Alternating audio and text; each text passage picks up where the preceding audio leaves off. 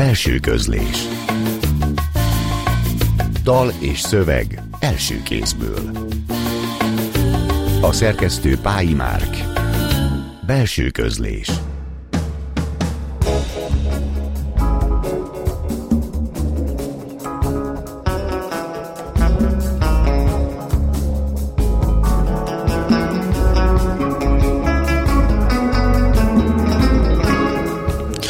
estét kívánok! A Klubrádió zenés irodalmi műsorának mikrofonjánál Szegő János köszönti Önöket. Ebben a műsorban már megszokhatták, hogy hétről hétre egy írót vagy egy költőt látunk vendégül, aki felolvassa megjelenés előtt álló szövegét, és magával hozza megmutatja azokat a zenéket is, amelyek élete vagy pályája, szempontjából meghatározóak voltak.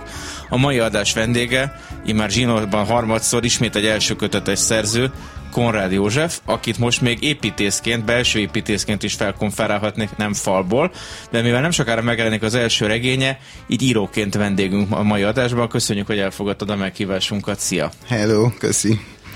Hogy mit jelent és mit jelenthetnek a szerepek, arról később kérdezek rá, de mivel regényedben, ami nem sokára megjelenik, nagyon nagy jelentősége van a neveknek, ezért innen is indítanék. Te tudod-e, hogy miért lettél József? Ö, nekem az apámnak az apja József, és ezért úgy adta magát szerintem, mert mert meg én, ha minden igaz, akkor egy ilyen véletlen gyerek lettem, voltam, vagyok, és, és, és talán olyan gyorsan kellett a nevekben is gondolkodni, meg, meg azt hiszem, hogy volt egy másik alternatíva, de aztán a kórházban valahogy ez az egyezmény megszületett anyám és apám között. Hát ez és... nem is 9 hónapig volt elég anyát hasában ezek szerint, hanem sokkal rövidebb ideig. Az is lehet. gyorsan kellett Igen, hát csak szerint. pár hónap volt, aztán valahogy így kijöttem, és és végül ez a József, ez, ez, ez úgy megmaradt, és azóta is igazából nekem elég jó érzés, amikor látok apám apjáról fotót, meg én őt sajnos nem ismertem, de de ez egy ilyen kedves emlék, meg a név is. És látsz számomra. hasonlóságokat például arcban a nagyapád meg magad között? Vagy... Látok, igazából azért anyám, vagyis nagyanyám és nagyapám úgy egy ilyen egyvelegétnek látom, tehát nagyanyámnak is nagyon karakteres arca volt, és nagyapámnál főleg a testtartást látom hasonlónak, meg, meg valahogy egy ilyen hangulatot, meg talán egyfajta nyugalmat, ami így a képekről is átjön. A nagyanyámnak meg ezt az ilyen markáns arcát és azonosnak is tartod magadat ezzel a József névvel, tehát úgy jól viseled az, hogy József vagy Józsi vagy, ugye? Igen, voltak vele eleinte ilyen nehézségek, de aztán valahogy úgy belém égett, és egyre jobban, ahogy úgy mertem bátrabban hordani, úgy egyre jobban viselem, és viseltem. Azért is gondoltam, hogy innen indítok, mert édesanyád Lakner Judit a neveiteket bele is írta a mesekönyveibe, tehát valahogy a ti neveitek, a testvéreid neve, meg a te neved is, az olyan úgy része lett a köz, köznyilvánosságnak, tehát ilyen közszereplők lettetek gyerekként.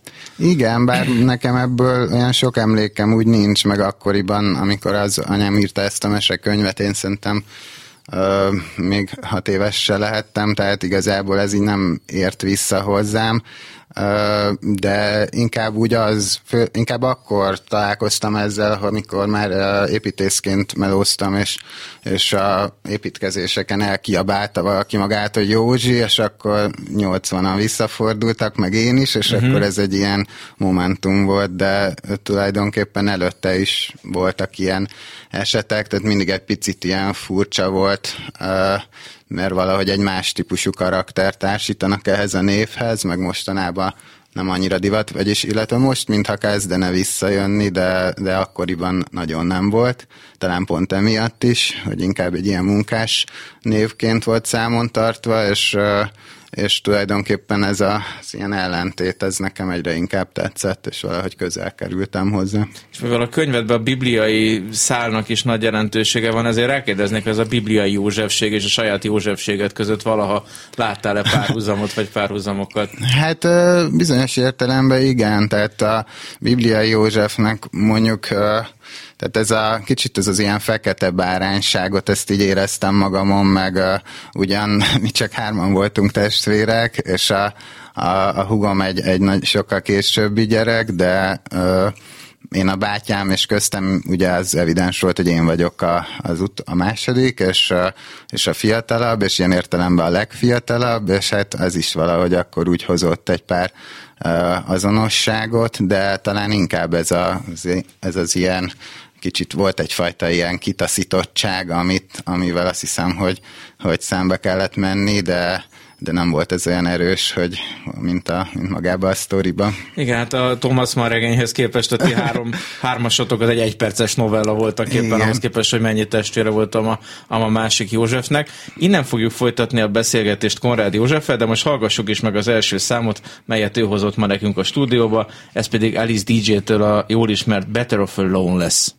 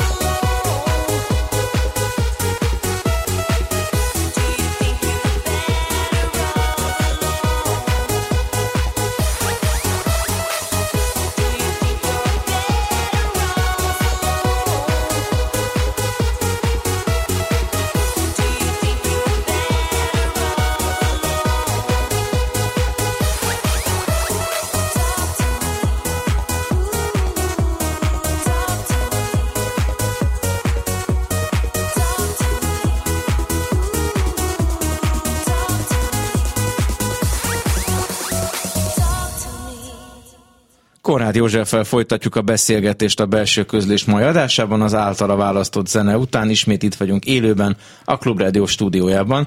Édesapát Konrád György, édesanyád Lakner Judit, talán ezek az adatok az elő még így nem hangzottak el, viszont az nagyon érdekel, hogy gyerekként te miként érzékelted azt, hogy írók a szüleid? Az egyik, ami eszembe jut, hogy az írógépek otthoni zakatolása, a telefirkálható kéziratpapírok, a másik meg az, hogy az írói intézmény létreérkező külső reakciók, amik édesapád esetében azért elég tetemes volt hogy ezek közül mi van az, ami megvan neked elsőre? Hát így egész kiskoromból az igazság, hogy kevés emlékem van apámról, mert ő nagyon intenzíven dolgozott, és egy dupla ajtó zárt el minket vidéken, Pesten meg lent a, volt egy külön irodahelyiség, ahol dolgozott, és amúgy sincs túl sok emlékem fiatalkoromból, de igazából talán inkább későbbről már, amikor, amikor, és az is inkább így az olvasás kapcsán, hogy nálunk az elég nagyra volt értékelve, és én nem annyira szerettem, és és mindig ment egy ilyen harc, hogy szappanoperák, brazil szappanoperák, VS olvasás,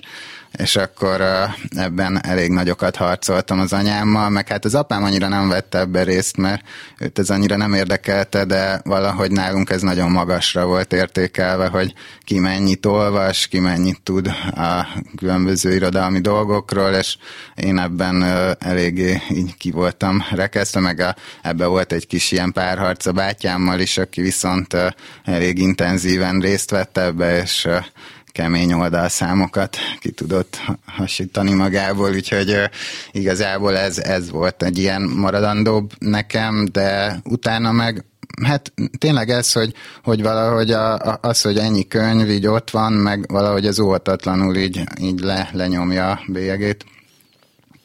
És a lázadás egy ilyen szabad elvű családban akkor ilyen módon tudott megtörténni, hogy például inkább akkor a tévét nézni, mint hogy elolvasni mondjuk a Noszti fiú esetét? Vagy? Uh, igen, azt hiszem, tehát hogy nekem az ilyen nagyon idegen volt ez az egész, meg úgy nem, nem éreztem a helyem ebben a dologban, és a, a bátyám verseket is írt, nagyon szépeket, meg, a, meg tehetséges volt nagyon, és akkor valahogy úgy jött ez a leosztás, hogy, hogy ő ebbe jó, én meg akkor inkább úgy távol maradtam, és ilyen sportokban voltam jó, meg azokat szerettem, és, és tulajdonképpen az egész ilyen úgymond világ, akkor az számomra, mint az ő világuk, az egy ilyen idegen világ volt ilyen értelemben az Apollón és a Dionysos így gyakorlatilag. és amikor édesapád Berlinben volt, akkor ott gyakran meglátogattátok, vagy amikor ő úgy utazott, vagy ezt ő külön kezelte, és ti meg itt voltatok. Ne haragudj, hogy ennyire belemegyek ja, valóban, csak azért ez olyan izgalmas. Nem, egyszer voltunk ilyen családostul, azok jó emlékek, mert ö, ilyen jó hangulatú volt ez a szállás, meg izgi volt, nem sokat utaztunk, és, és, és ez jó hangulatú volt kifejezetten, de, de amúgy nem voltunk ott, ez nem volt jellemző, tehát ő eléggé külön vitte az életét, és, és tulajdonképpen alapból is elég keveset találkoztunk. Másoktól azt szoktam kérdezni ebbe az adásba, hogy miért lettek írók, és ez gyakorlatilag egy eléggé evidens kérdés, és a válaszok is nagyon sokszor evidensek. Nálad azt is kérdezhetném, hogy miért nem lettél az, de erre most eléggé hosszan válaszoltál. Az viszont adja magát, hogy akkor most mégis miért lettél az, vagy miért kezdtél el írni? Hát tulajdonképpen nem most kezdtem, hanem egészen régen elkezdtem már verseket írni, de ezeket, ezekkel elég sajátosan voltam, mert sosem mutattam meg senkinek, meg, meg tényleg inkább csak magamnak. Bennem se igazán volt ez, hogy ezt valahogy egy ilyen közönség felé, és aztán valahogy, amikor már picit idősebb lettem, akkor, akkor úgy ez bekúszott ez a dolog, hogy, hogy valahogy mégiscsak ezt valahogy megmutassam valakinek, meg a picit az írás folyamatába is valahogy jött egy ilyen tudatosság, meg, meg valamiféle technika, és akkor, és akkor ahogy ez lett egy pici szabadidőm, úgy ez tulajdonképpen összekötődik egy ilyen New Yorki úttal, amikor már ott hagytam a építészmunkámat, és akkor összeszerkesztettem ezeket a verseimet, egy ilyen kisebb kötetté, csak úgy magam számára, és aztán valahogy volt még több szabad időm, és, és akkor jött az ötlet, hogy megpróbálkozok így írni valami prózaibbat. Akkor a prózai válaszodra a következő blokkba fogunk visszatérni, de előtte jön egy nagyszerű szám Chad Bakertől, a But Not For Me vendégünk Konrád József választásába, a belső közlés mai adásában.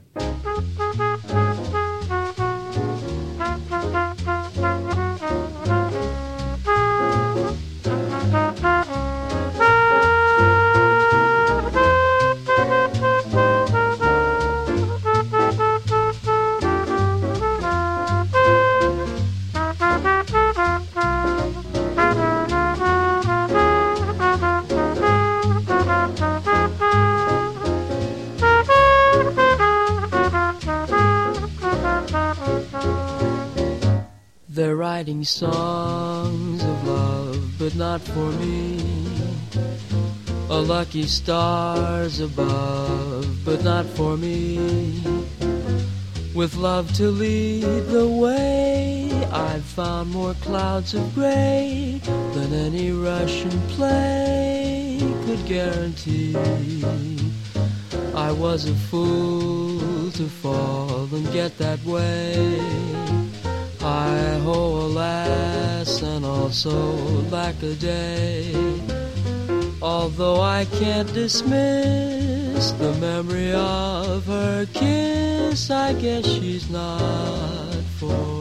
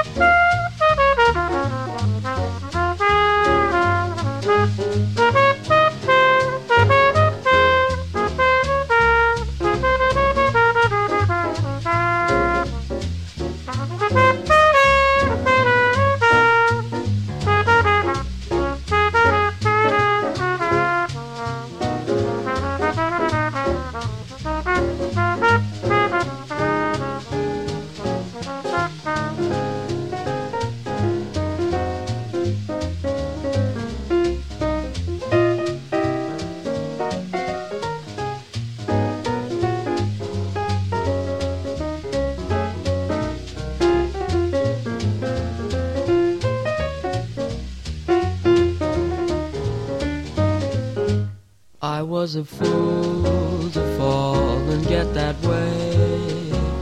Hi ho, alas, and also lack a day. Although I can't dismiss the memory of her kiss, I guess she's not for me.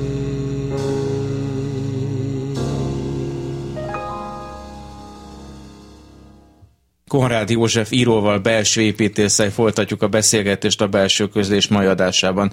A Behajtó című regényed, mely nem sokára megjelenik, radikálisan játszik el a valóság és a fikció viszonyával, ezért is érdekel, hogy volt az írásnak ennek a konkrét műnek egy olyan kiinduló pontja nullfoka, ahonnan aztán megírhatóvá vált az egész, és ha igen, akkor az mi volt? Volt egy kósza gondolat, de ha azt elmondanám, akkor lelőnénk egy poént, uh-huh. amit nem biztos, hogy le akarok, de igazából az inkább körülírom, hogy mindenképp volt egy, egy, olyan, egy olyan kiindulás ennek az egésznek, hogy ami egyfajta gyász, és ami egyfajta gyász körüli hangulat, és annak a körülírása, illetve valahogy a saját magamnak a bele, ebbe a belehelyezés ennek a közepébe, és és, és ez már nagyon az elején úgy ott motoszkált. Egyszerre nagyon önéletrajzi, nagyon személyes a könyv, ugyanakkor nagyon erősen és radikálisan játszik el a fikciónak, a hiperfekciónak is az eszközeivel, és ahogy olvassa az ember a könyvet, úgy egyre kevésbé tud kiigazodni abba, hogy éppen mi a valóság és mi a fikció, illetve ezeknek nagyon viszonylagossá válik ez az abszolút értéke. Például a saját családoddal is nagyon erősen foglalkozol ebbe a szövegbe, és a már a bevezetőben említett neveknek itt is lesz egy nagyon nagy jelentése, ugyanis névcserékkel azt demonstrálod, legalábbis nekem ez jött le, hogy mennyire eltérőek a nevek, a funkciók, és hogyha megtükrözzük a család tagjaink neveit, akkor egy egészen más családállítással kerülünk szembe. Igen, ez egy ilyen játékteret ad nekem is, illetve talán az olvasónak is, mert hogy ezt nem, nem akartam egy ilyen különösebben szándékos, elhatározott dolgot csinálni ezzel, hanem kicsit szabadon akartam hagyni, hogy egyrészt a, az olvasó is hadd lásson bele, amit akar, illetve magamnak is akartam egy olyan teret, amiben nyugodtan játszhatok, annélkül, hogy akár bárki más tudna róla, és olyan személyes dolgokat tudok elhelyezni így a könyvem belül, ami tulajdonképp így akkor mindkét félnek érdekes lett. Mondjuk számomra egy példa, például, hogy a, a, a bátyámmal, akivel sajátos a viszonyunk, ugye amikor a névcserék összekeverednek, és ő lesz az apám neve, apám pedig a bátyámé, akkor akkor egy olyan, ö, olyan relációk alakulnak így ki, ami idáig nem volt vele, és akkor ez például nekem egy belső játék, de így mégis elindul egy gondolatmenet, ami, ami előre tud vinni. Ahogy édesanyád és a hugod nevét is megcseréled, és ez, ezáltal valami ott is valami egészen más, más kerül a középpontba. Igen, meg azt hiszem, hogy alapból a könyvnek egy fontos motivuma így a hatalom, és a hatalom körüli dolgok, vonatkozások, és valahogy ebben is picit ugye a szülők hirtelen gyerekek lesznek, és fordítva ez is egyfajta tükrözése ennek, és itt is valahogy megjelenik ez. Igen, és a hatalom meg a tekintély, talán nekem ez összejutott az eszembe, a, a regényed egy másik síkján is nagyon fontos, ami egy ilyen bibliai történetnek, a Dávid király történetének az újraírása és összekapcsolása, összeemelése a napjainkban játszódó jelenettel, mintha ott is az erőről és a gyöngétségről, a kiszolgáltatottságról és a hatalomról lenne nagyon sok szó. Igen, és ez tulajdonképpen ezt elég nehéz megfogni, meg ahogy mondtad, ez azért elég személyes számomra ez a könyv, és talán azért is jött jól nekem ez, ez a bibliai szál, mert, mert ez mégiscsak lényegében egy mese, és a mesés voltában valahogy én is így könnyebben eligazodok, én is könnyebben találok kapaszkodót olyan dolgokban, ami, ami számomra segítség, és akkor valahogy jobban ki tudom fejezni azt, ami elsőre még olyan nehéz lenne. Olyan, mint egy lencse, ami nagyít is dolgokat, de talán egyfajta védelmet is ad, vagy elválaszt dolgokat, meg egy ilyen felületként tud működni. Igen, azt hiszem, hogy ez, ez egy jó, jó hasonlat és a másik része pedig nagyon erősen napjainkban, vagy a mai Budapesten, vagy Budán játszódik, és nagyon plastikusak például a térleírások.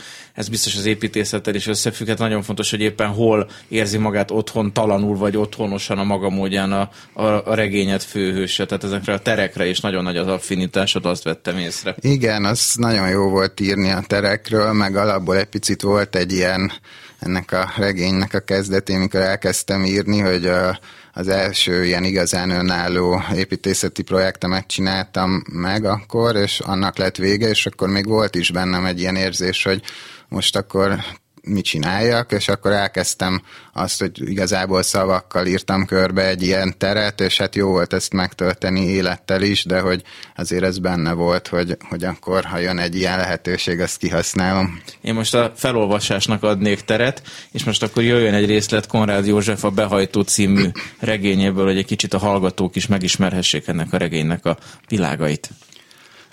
Vidéken még az álmokban is jobb a levegő de miért alszom apám szobájában? Gyanúsan keverednek a jellemvonások, csak a kifulladt piros karosszéket látom, és őt hallom a teraszon csevegni. Nem firtatom tovább személyemet, elfogadom, amit a sors ide dob ma reggel. Emlékszem a karótnyelt hiányra, talán anyámat gyászoltuk. Kirohanok, mert örülök, hogy végre beszélhetünk. A harmadik íróasztalt elhagyva egyre bizonytalanabbá válik a korom, a tiszta lelkesedés gyerekké változtat. Kiérek a teraszra, már ebédel a család, a tarka saláta kitakarja anyám arcát, apám nincs ott, csak egy rozzant kerti szék a kuka mellé tolva. Továbbra is hallom a hangját. Talán kiment a ház elé köszönni valakinek, és ott ragadt. Kiszaladok, az utcán senki. A biciklim a kopott türkisz kapunak van támasztva. Visszamegyek, hát a többiek elmagyarázzák, mi történik, de már ők sincsenek sehol. Egyedül a saláta maradt az asztalon. Végre rájövök, hogy bentről szól a rádió, azért hallom. Elő akarom rángatni belőle, hogy most már velem beszélgessen, ne egy idegennel Európa jövőjéről, de nem megy. A vastag falak közt hűvösen maradt házban sóhajtoznak a fűszerek. Lemegyek a strandra, ott majd szembe jön a valóság. Kiderül, kinek kie van. Este talán még diszkó is lesz. A versenybiciklimet kifulladásig hajtom, Elsuhanok a főút menti focipályát körbeálló platánok és a szénával megrakott traktor mellett, szúra tüdőm, megöregettem újra. Az elágazáshoz érek, ahol el kell döntenem, hogy balról vagy jobbról kerüljem meg a Szigligeti várat. Rám szól eldobált flakonokkal és zacskókkal ékes törzshelyéről a fatönkön sütkérező kurva. Ne gondolkozz annyit, gyere ide, leszoplak. Teljesen igaza van. Megőrzem az asszaló nap elől bujkáló ösztöneim, Azokról bizton tudom, hogy hozzám tartoznak. Elindulunk a mezőn, fiatal, leégett teste az esőzésektől kinőtt dús nádban kanyarog, koszos magas sarkujában is legfeljebb a vállamig ér. Ritkás hosszú haja alól kitűnik csontos vállán a gyémántokból álló tetoválás. Talán a mókustól kapta őket. Itt jó lesz, mondja, és megfordul. Hegyes melbimbója átüt a sárga újatlanon, betakar minket egy rohanó felhő, szeme elsötétedik, mikor újra kisüt, rám szegezett tekintetétől nyugodt réten találom magam. Csak a piros melír zökkent ki. Eszembe juttatja a karosszéket. Kártyával fizethetek? kérdem. Rendes fiúnak látszol, nem kell a pénzed. Hoz nekem egy ékrémet, ha visszafelé jössz a strandról. Meg se várja, hogy bólincsak, oda térdel elém, kicsatolja az övem, lehúzza a nadrágom, óvszert vesz elő és vár. Oda se nézek, én is várok, hogy elkezdjen esni az eső. Tőlünk nem messze kelepelés, egy gólya áll fél lábon, és kitartóan keresgél a lábban, ahogyan mi is. Na mi lesz? kérdi türelmetlenül a társam. Attól félek, hogy mire visszanézek, ágyékom előtt zöldellő szemébe egészen visszamászik péniszem a testembe, és női nemi szervet vés ki magának. Elképzelhető, hogy rám közelített reményekkel teli látószöge nem más, mint ismerős belső állapot. Elfogy a türelme, és formátlan tagomra tuszkolja a gumit, majd elnyeli, ami megmaradt belőlem. Úszkálok a nyelvek körül, aztán lejön az óvszer, és ismét várni kezdünk. Egy felhő végre megkönyörül rajtam, és csepegni kezd. A táj egy szempillantás alatt alakul át, a rétre tapadt seregélyek fekete foltjai cikáznak a kiszürkült hegy előtt, villámlik. Mennünk kéne, javaslom a lánynak, de ő nem mozdul. Megérintem a vállát, hideg és fehér, mint a házunk falai, kitartóan mered továbbra is ázott faszomra. No, én elindulok, mert nagyon szar idő lett, és ma még semmit nem ettem. Felöltözöm, köszönök és visszasétálok a biciklim felé, csak félúton veszem észre, hogy még mindig előttem lebeg, ugyanabban a pózban a farkam előtt érdeplő jelenés. Nem baj, felpattanok a biciklimre vele együtt. Legalább kiválaszthatja a strandon, milyen jégkrémet szeretne. Még annak is megörülök, hogy az eső miatt kevesebben lesznek, nem kell majd sorba állnunk. Vékony kerekeim kíméletlenül szelik a párolgó utat, az arcomba csapó cseppek megmásszák pórusaim, és megpróbálnak elérni, ahogy korábban én, a poros hangfalat.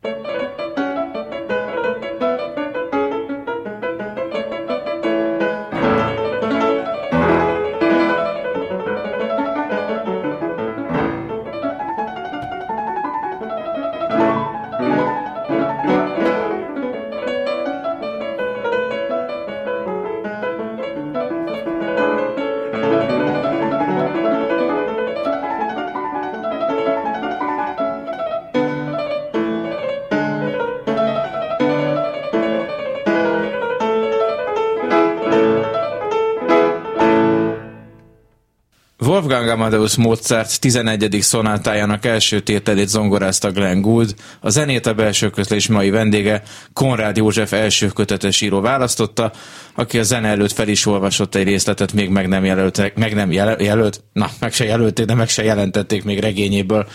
Hadd kérdezzem meg, az írás során kialakult egyfajta rutin, vagy olyan technika, ami segítette az írást, vagy igazából inkább egy ilyen kreatív lázról beszélhetünk az alatt, az idő alatt, ami alatt létrejött ez a műved? Mm, nem, abszolút volt egy rutin már az első naptól fogva, mert igazából úgy indult ez az egész, hogy a, a barátnőm, aki szobrász, ő kapott egy meghívást, és ennek kapcsán jutottunk New Yorkba, és ő gyakorlatilag egész nap dolgozott, és én meg ugye otthon annyira nem tudtam ott mit csinálni, és nem akartam mászkálni, úgyhogy inkább én is otthon voltam, és egész nap dolgoztam, és valahogy ez, ez hozott egy ilyet, hogy egy ilyen napi rendet, hogy reggel fölkelek, elkezdek írni, és és amikor ő hazajön, akkor abba hagyom, és ezt igazából csak azt törtem meg, hogy, hogy ott a tengernél, ez télen volt, és akkor elég jó hullámok vannak, és nekem az egyik mániám a szörfözés, és akkor amikor voltak olyan hullámok, akkor oda mentem és szörföztem,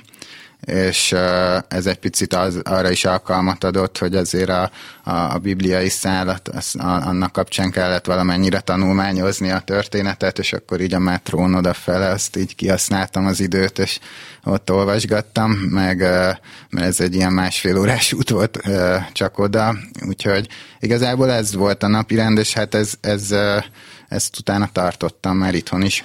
És szörfözés közben egyébként ilyenkor üres a fejed, és olyankor csak a hullámokra összpontosítasz, vagy adott esetben az is egy alkalmas idő arra, hogy gondolkodj a következő mondatokon? Mondatokon talán nem, de nagyon ilyen kreatív dolog tud lenni. Hát részben egy ilyen, egy ilyen kiürülés is, tehát hogy valahogy elengedni azt, ami zavaró, azt, ami nem annyira fontos, és valahogy megkapaszkodni abba, ami meg fontos, és ami igazán számít, és, és ilyen értelemben egy ilyen, egy ilyen célkeresés, meg amúgy windsurfezni is nagyon szeretek, de ez a hullámszörf, ez ennek az a jellegzetessége, hogy az ember így a horizont felé fordul, és nézi a hullámokat, és az egy ilyen nagyon inspiráló vidék. Az egyensúlyozás maga gyakorlatilag kötéltánc a hullámokon. New Yorkban nem volt erős kísértés, hogy minden nap ki, kimenj és akár épületeket nézzél, vagy bánom is én miket a Brooklyn-tól Bronxon át Queensig, vagy meg, uh, megkeresd a Woody jelent, vagy mit tudom én? Hát már voltam korábban, meg azért úgy, úgy mozgolódtam arra, de és meg a, azért mászkáltunk, tehát az is picit sarkított volt ez, hogy mindenki egész nap dolgozott, csak uh, hát kicsit átfordult, mivel két hónapot voltunk, ez azért sok ahhoz, hogy az ember úgy ilyen turistaként ja. legyen, és akkor ez átfordult abba, hogy egy ilyen gyakorlatilag egy ottani lét így kialakult, és akkor a, meg voltak a hétköznapok, amik a munkával teltek, meg a hétvégék, amikor meg úgy mászkáltunk, és azért az, az is volt bőven. És hogy látod, írás és építészet összefügg egymással? Például a te fejedben, meg a te rendszeredben? Hát számomra mindenképp, tehát ez a, szerkesztés, a, a felépítés, egy mondatnak a felépítése, az, az számomra nagyon izgalmas, meg alapból ez, hogy az olvasással való fura viszonyom, ez még ma is megvan, és, és, és igazából sokszor szoktam így beleolvasni, csak dolgokban nem igazán végigolvasni, hanem így kíváncsi vagyok, hogy a, a mondat hogy alakul más szerzőknél, meg hogy hogy a, tulajdonképpen ennek a felépítése, hogy alakul, és ilyen formán ez valahol egy ilyen építészeti gesztus. De egy mást is veszel észre egy-egy mondatból, hogyha nem magát a mondatot nézed, vagy más szempontból nézed Igen. a mondatot, vagy a mondatok sorrendjét, ugye? Igen, hogy nem feltétlenül az érzékelés ilyenkor az, ami fontos, vagy az, hogy hogy hat rám, hanem, hanem szinte mint egy ilyen mint egy tényleg egy építmény, ahol hány, hány szó ritmus, hol vannak a veszők, hogy hány, hány vesző, hány tagmondat, szóval egy ilyen egy ilyen kicsit száraz módon nézem, de azért amikor meg leírom, akkor megpróbálom. De szerintem más, abból a részletből, amit hallhattak a kedves hallgatók is kiderült, hogy nagyon speciálisan szerkesztettek ezek a mondatok. Van egy nagyon erős rögzítettségük, zártságuk, de hagysz valami flexibilitást is a mondatokba, valami lebegést, hullámzást, és most nem a szörf miatt mondom, ami pedig megengedi a különböző játékokat, de mégis mindig van egy oda csavarozottság is, tehát van egy nagyon erős kettőssége a szövegednek. Igen, szerintem is, meg igazából, hogyha ezt egy picit tágabban nézzük, akkor nem csak a szövegnek, hanem általában a, a sztorinak is, mert uh, igyekszem egy, egyszerre egy ilyen konkrét uh, történethez tartani magamat, és uh, egy ilyen eleje meg vége jellegű dolgot összerakni, de közben nagyon fontos nekem, hogy uh, bármennyire messzire el lehessen menni ettől, és valahogy erre egy ilyen terepet biztosítsak magamnak a tulajdonképpen tudatalatti képzelgésekre, és, és ilyen fejtegetésekre, meg, meg arra, hogy ebbe, ebbe a szabadságba így kiélhessem magam.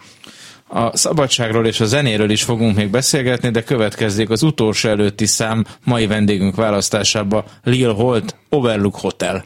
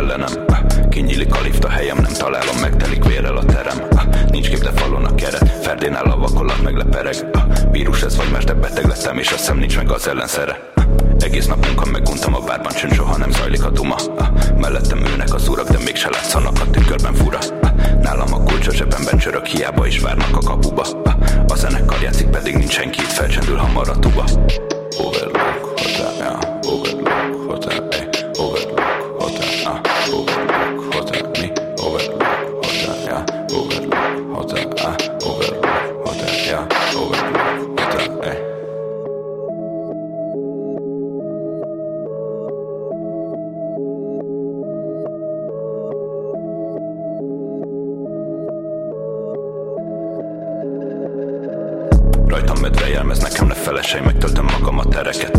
Mert ez a szerepem falakat bekenem, vérem elüglit a peremen. Nem látok hegyeket, tavaink száradnak, nem tudom én semmit keresek. Ha egy ajtó előttem bezárul, akkor hozom a baltám és bemegyek.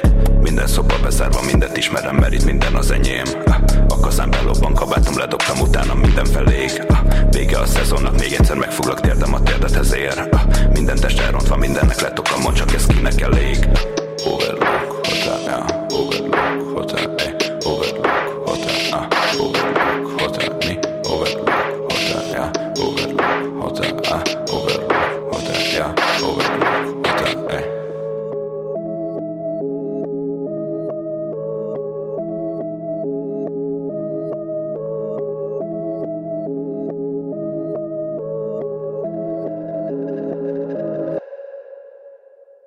Konrád Józseffel a belső közlés mai adásának utolsó beszélgetéséhez érkeztünk el itt a stúdióba. Még hátra van egy zene a választásait közül, azt majd búcsúzól fogjuk hallani az NTO-tól az Invisible-t, de most egy kicsit beszéljünk átfogóan a zenékről, amiket hoztál az adásba.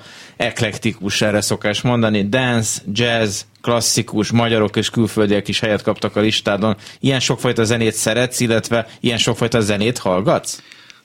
Alapból ritkán hallgatok zenét, de és elég, elég jellegzetesen mást mindig, tehát hogy mondjuk munkához inkább ilyen elektronikus, már mint építész munkához. Megelőzted a kérdéssel, már itt volt rögtön. Aha. Íráshoz nem szoktam, tudok zenét hallgatni, mert tulajdonképp az számomra egyfajta zene, és igazából ritmus, tehát olyankor a mondatoknak a ritmusára kell figyelnem és, és, és inkább csak építész munkához tudok, de olyankor meg kifejezetten jó így belemerülni egy ilyen hosszabb elektronikus számba. Éppen a mono, mono tikussága miatt? Igen, vagy a mert, a, igen miatt? mert az sokszor nagyon monoton maga a meló, nem feltétlen azért, mert nincs benne kreativitás, hanem géppel csinálom, és akkor kattingatás, szóval ez, ez egy ilyen így hozza magával ezt a stílust, uh-huh. és igazából ezt jól meg lehet bontani egy kis jazzzel, olyankor így jó variálni, abban is úgy, ugyanolyan jól el lehet veszni. A, a, a trance vagy nem tudom minek nevezzem ezt az Alice DJ-t, ezt igazából azért hoztam, mert mert uh, számomra ez az ilyen szigligetti jellegű diszkó, ilyen stranddiszkó, az egy ilyen meghatározó élmény, és így nem, nem annyira tudtam, hogy most pont melyik szám az, ami kifejezetten ezt a hangulatot hozza, de ebbe azért úgy jól bele tudtam kapaszkodni. Meg a részlethez is kapcsolódik. Igen, igen. És amúgy volt még egy szám, ami a könyvben is benne van, ez a Armin Van Burennek az In and Out of Love, és azon is gondolkoztam, csak azt annyira nehezen tudtam így meghallgatni, hogy azt mondtam, hogy ezzel így nem kínzom az embereket, mm. de igazából ez, ez a ez a, az Alice DJ is hoz egy, tényleg egy olyan hangulatot, amit rögtön kicsit úgy érzem magam, mintha egy ilyen diszkóba lennék. Igen, és... az Armin van Buránnál már Zamárdiba lettünk volna aztán erősen. És itt van például a módszert, hogy ez a 11. szonát, ennek a harmadik tétele mindannyiunknak nagyon ismerős lehet a török induló miatt, viszont az első tételt hozta, talán ez se véletlen.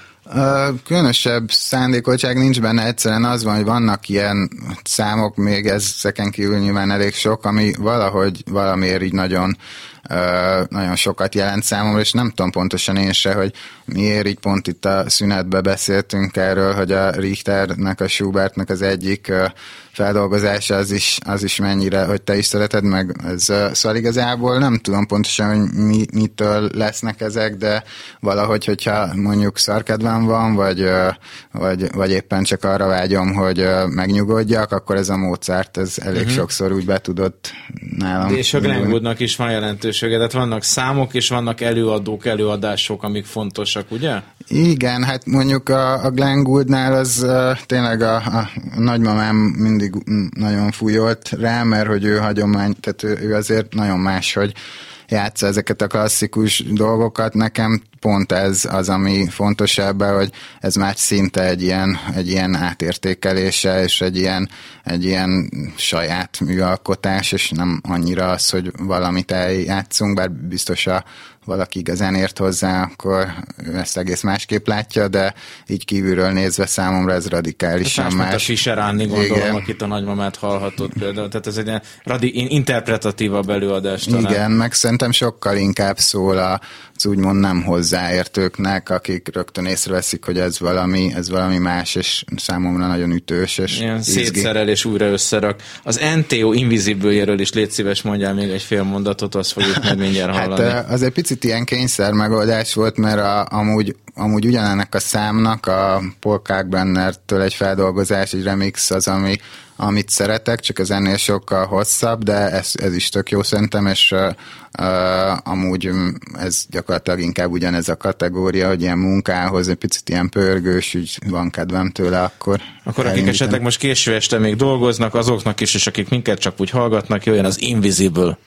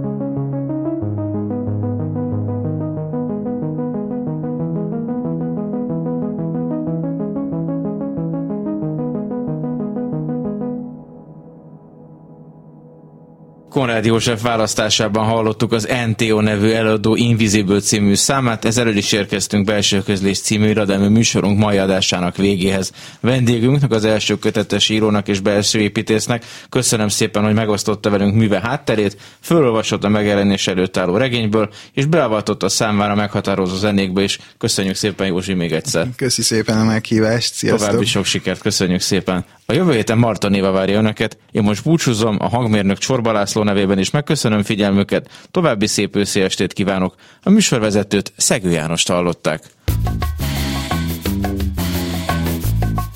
Belső közlés Dal és szöveg első kézből A szerkesztő Pályi Márk Belső közlés